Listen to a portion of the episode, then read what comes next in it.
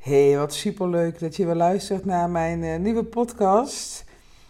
Het is nu ehm, maandagavond, 4 oktober, Dierendag, dat ik uh, deze podcast opneem. En um, ja, ik zit uh, even in ons kantoortje. We hebben een kantoortje vlak bij huis.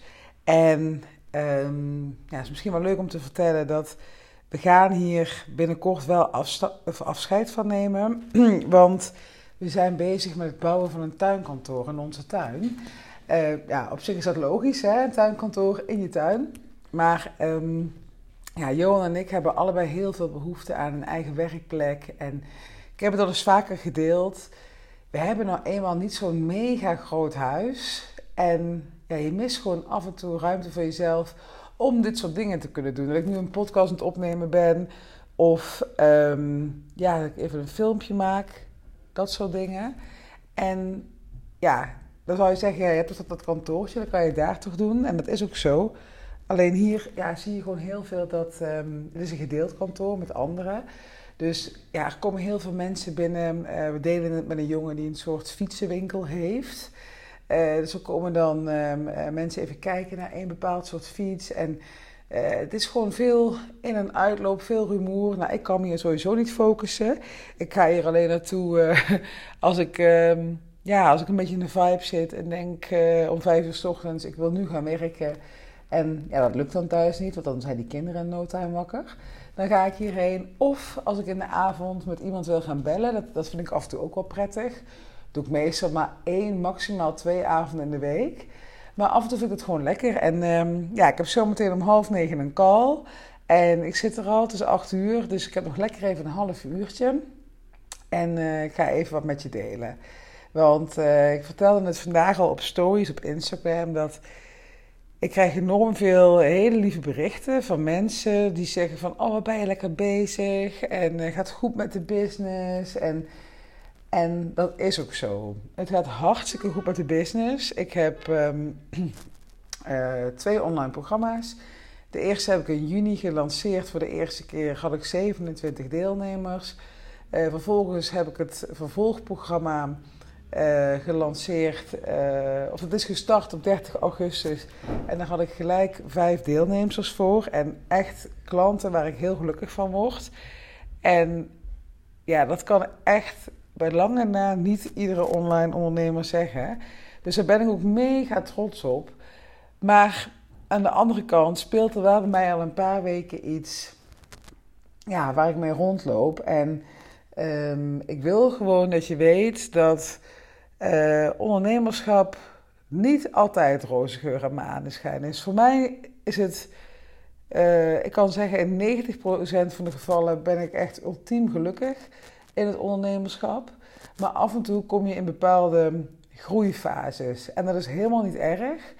Um, daar leer je gewoon van. En ja, als je er op die manier naar kan kijken en het echt kan waarderen dat je in een bepaald proces terechtkomt, dan is het eigenlijk altijd oké. Okay. Dan ben je altijd, altijd echt oké mee om in het ondernemerschap te zitten.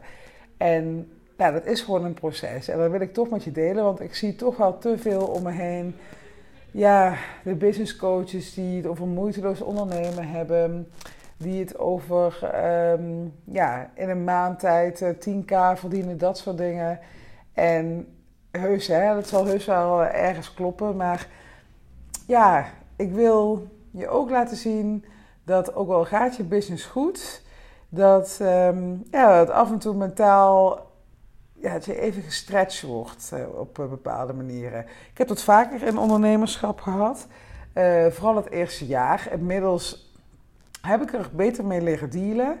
En is het eigenlijk pas in 2021 de tweede keer dat ik echt in zo'n um, ja, zo'n groeifase of zo'n zo'n ja, groeipijn zit, zeg maar. En ik heb het um, één keer eerder gehad dit jaar toen ik mijn pilotprogramma lanceerde in maart.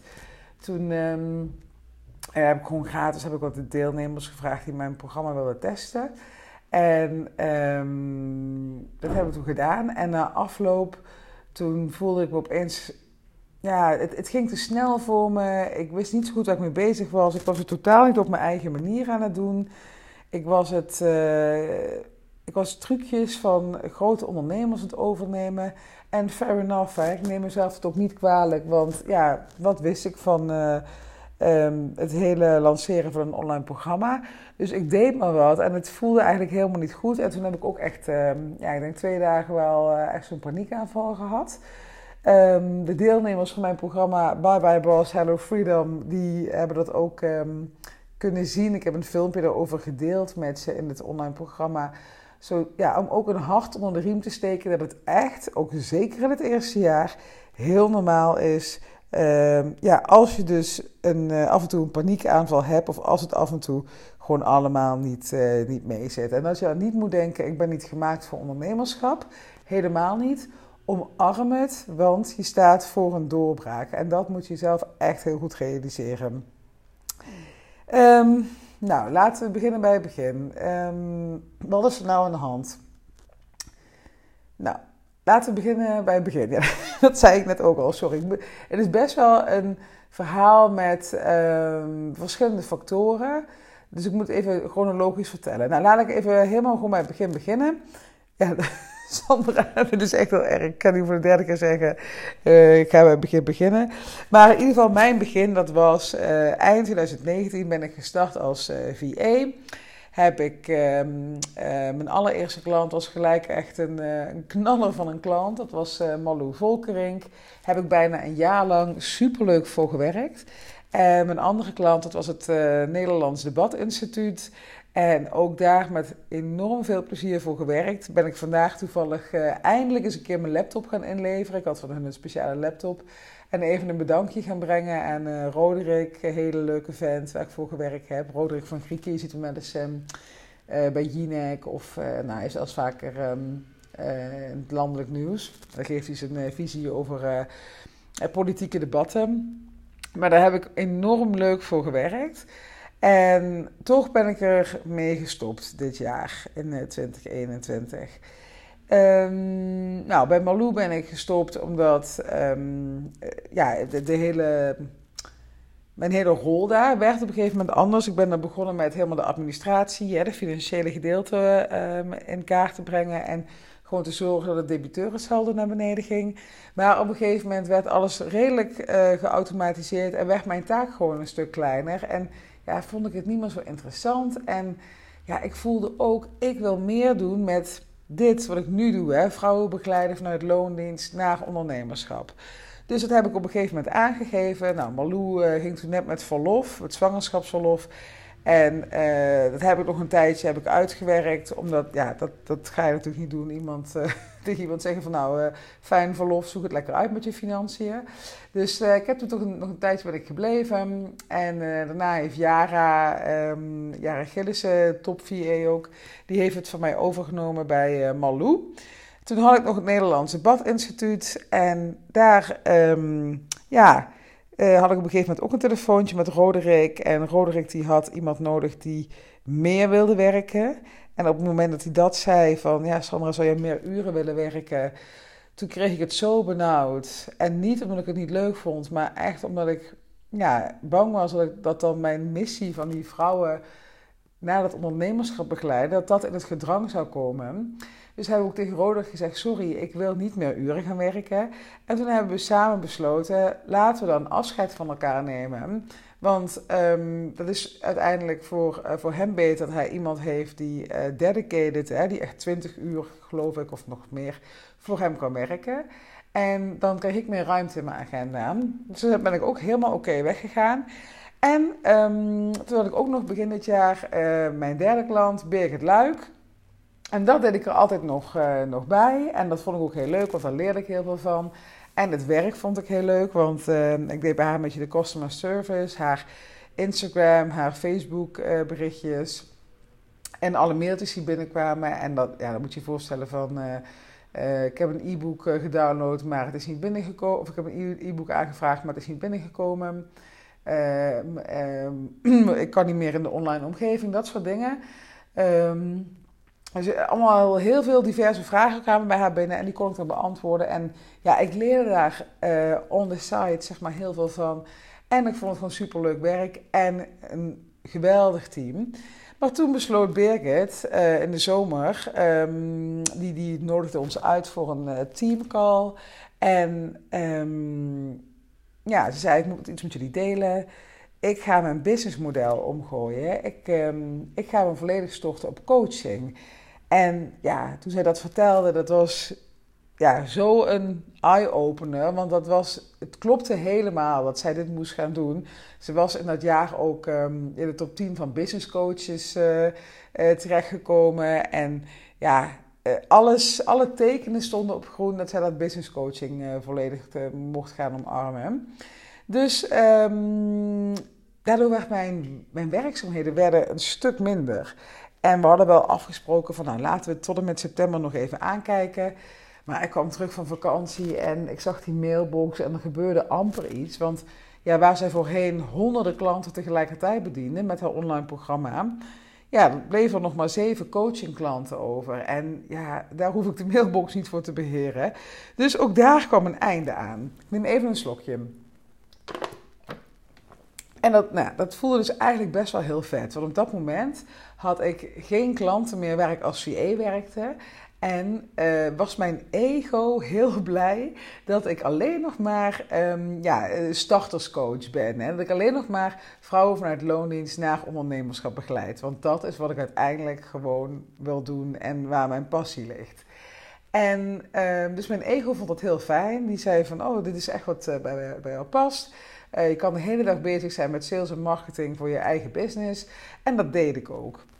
En het ging goed. Hè? Ik had die uh, lancering gehad in juni. 30 augustus startten er vijf vrouwen. Ondertussen ben ik, was ik mijn online programma aan het maken. Dat had ik al verkocht voordat ik het gemaakt had. Ben ik nu nog steeds mee bezig. Ik ga bijvoorbeeld komend weekend ga ik weer twee dagen in een hotel zitten. En ga ik daar uh, verder mijn online academy bouwen.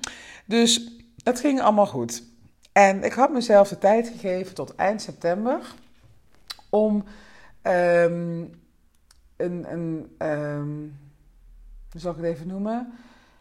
Een standaard cashflow binnen te krijgen. Of ja, hoe zeg je dat? Een recurring, nou, een terugkerende cashflow te genereren. En uh, ik heb er ook veel gedaan, veel mensen gebeld, uh, oproepjes in Facebookgroepen, online zichtbaar geweest, podcast, nou gewoon alles, hè, nieuwsbrieven, uh, acties gedaan op Instagram. Ik heb er heel veel aan gedaan. Maar ik merkte half september al van om een constante cashflow, zo moet ik het zeggen, een constante cashflow te krijgen, dat gaat mij niet lukken in deze maand. Ik zal iets anders moeten gaan doen. Ik zal toch weer een, um, ja, als VA aan, aan de slag moeten. En dat, dat wist ik eigenlijk al, denk ik, een maand. En ik vond het zo moeilijk om aan mezelf toe te geven. Terwijl ik had het met Johan ook zo afgesproken. Ik had het met mezelf afgesproken. Maar ik denk dat ik me misschien ook heb laten leiden door die coaches die gillen van... Uh, je kan in, uh, in no time kan je van 0 naar 10k omzet per maand gaan en dat soort dingen allemaal. Ik dacht van ja, als zij het kunnen, dan kan ik het ook. En als ik er maar in geloof en dit en dat. Maar de druk die ik op mezelf ging leggen werd groter en groter en groter. En toen gebeurde het volgende. En echt, het was zo kloten, maar achteraf ben ik er enorm dankbaar voor. Wij hadden een rechtszaak tegen onze aannemer. Want we hebben uh, twee jaar geleden ons huis verbouwd. En die man die heeft die verbouwing op zich goed gedaan. Maar tegen het einde ja, liepen de spanningen wat op. Uh, ja, wat betreft de communicatie, dat soort dingen. Uh, hij ging ook met pensioen. Hij had ook nog wat andere opdrachten. En er zijn gewoon dingen niet goed afgemaakt in ons huis. En ik had zoiets van: laat dat maar gaan. Inmiddels is alles gefixt. Hebben we een aantal experts laten komen. En ja, die waren ook allemaal in shock van hoe bepaalde dingen waren aangelegd: elektriciteit. Uh, de keuken stond scheef, we hebben drie lekkages gehad. Dus ja, die waren ook allemaal in shock van hoe kan je zo iemand, hè, uh, hoe kan je iemand zo in die shit laten zitten? Hoe kan je een huis zo opleveren? Dus wij dachten wel, ja, dat deugt echt voor gemeten, we moeten hier iets mee. Maar ja, ik had echt geen zin in al die negatieve energie. Hè. Ik heb zelf bij een advocatenkantoor gewerkt. Ik weet wat erbij komt kijken. Uh, heel veel papierhandel, heel veel voorbereidingen. En ehm, ja, ik wilde daar niks mee. Maar Johan die had zich daarin vastgebeten. Die had um, een aantal brieven naar Wim, ja, zo heet de aannemer, gestuurd. Van, um, ja, dat we dus een vergoeding wilden voor wat er uh, misgegaan was. En uiteindelijk zei Wim dus van... Dat is allemaal leuk en aardig, maar ik heb een aantal facturen nog niet naar jullie gestuurd, anderhalf jaar na dato. Um, die moeten jullie nog betalen. Ja, en dat gingen wij natuurlijk niet meer doen, want ja, hoezo kwam hij opeens met die facturen aan? En toen draaide alles om en daagde, of werden wij dus gedaagd om naar de rechtbank te komen en daar ons verhaal te gaan doen ja, tegen de rechter um, waarom wij die facturen niet wilden betalen. En wij hadden heel sterk het gevoel dat we heel erg in ons recht stonden. En we hadden ook een, eh, een advocaat die ons hierbij hielp. Ehm, en die hier ook wel heel zag en die het ook een zwaktebod vond. Hè, van dat uh, die aannemer dus uh, anderhalf jaar na dato nog opeens met ja, onverstuurde facturen aankwam. En we gingen dus in die rechtbank toe. En daar had ik al echt geen zin in. Maar ja, hè, soms moet je gewoon dingen doen. En het was echt zo'n afschuwelijke ervaring. Het was echt alleen maar negativiteit, allebei met modder gooien en ja, echt verschrikkelijk. En het eindigde er ook nog in dat de advocaat of dat de rechter ons, um, tegen ons zei van nou ga maar naar de gang, probeer het maar te schikken. Nou dat gebeurt heel vaak, hè, dit soort zaken, dat de rechter geen zin heeft om uh, allemaal nog in die details te gaan duiken en hier een uitspraak over te doen. Maar die geeft je dan gewoon een aantal... Um, aanwijzingen. Um, en ja, dan, dan word je de gang opgestuurd om dus met beide partijen er alsnog uit te komen. Dus dat deed hij en uh, wij probeerden het gewoon op nul te krijgen. Hè, dat wij niks aan hem hoeven te betalen en hij niks aan ons. En nou, ik zal het verhaal even, lang verhaal kort, want het, er gebeurde van alles. We moesten, werden weer binnengeroepen, nog een keer de gang opgestuurd. Nou, het was één groot, um, ja, het was echt best wel show. Uh, het leek echt een soort van film uh, waar we in zaten. En puntje bij paaltje werd het dus zo dat wij 4000 euro aan die aannemer moesten betalen. Omdat al, alles al met al opgeteld, onderaan de streep kwam er een bedrag uit dat naar die aannemer toe moest. Dat gaf de rechter aan. Um, terwijl wij vonden dat het dus naar onze kant moest. En die rechter die ging op een gegeven moment die maakte heel erg duidelijk van ga het nou maar schikken, ga het maar betalen. Want als ik een uitspraak moet doen, dan wordt het echt, ja, misschien wel 12.000 euro. Heeft hij niet letterlijk zo gezegd, maar die kant ging het wel op. Dus het was echt best wel blinde paniek. En ja, toen hebben we dus afgesproken, we betalen 4000 euro en daar is de kous mee af. En nu gaat het niet per se om die 4000 euro of om die rechtszaak of wat dan ook. Maar het gaf mij wel echt het inzicht van holy fuck. Als zij nu 4000 euro gaan betalen, dat gaat ook weer van mijn buffertje af. Ik had een buffer voor mezelf gemaakt waarmee ik tot het einde van het jaar um, ja, redelijk ontspannen zou kunnen ondernemen. En dat gaf mij net die laatste um, duw om toch te bedenken van nee, er moet gewoon meer een constante cashflow gaan komen. Ik moet echt richting dat VA gebeuren gaan. En ja, wat het ook is, is dat ja, mijn klanten hebben gewoon echt even de tijd nodig om die stap te kunnen zetten vanuit loondienst en ondernemerschap. Ik heb daar zelf ook twee jaar over gedaan. Dus ik kan ze niet nu gaan pushen om maar in mijn programma te stappen, zodat ik een constante cashflow heb. Zo werkt het gewoon niet. En dat krijg je wel als je vanuit druk gaat ondernemen. Dan gaat het allemaal tegen je werken en je klanten voelen dat. En tot nu toe heb ik dat volgens mij kunnen voorkomen, dat nog niemand dat voelde. Maar ja, het was uiteindelijk zo dat vorige week zaten we in een vakantiehuisje. Johan, ik en de kinderen in Limburg waren we bij mijn moeder op bezoek. Kinderen lagen in bed en ik zei, oh, ik ga heel even op bed liggen.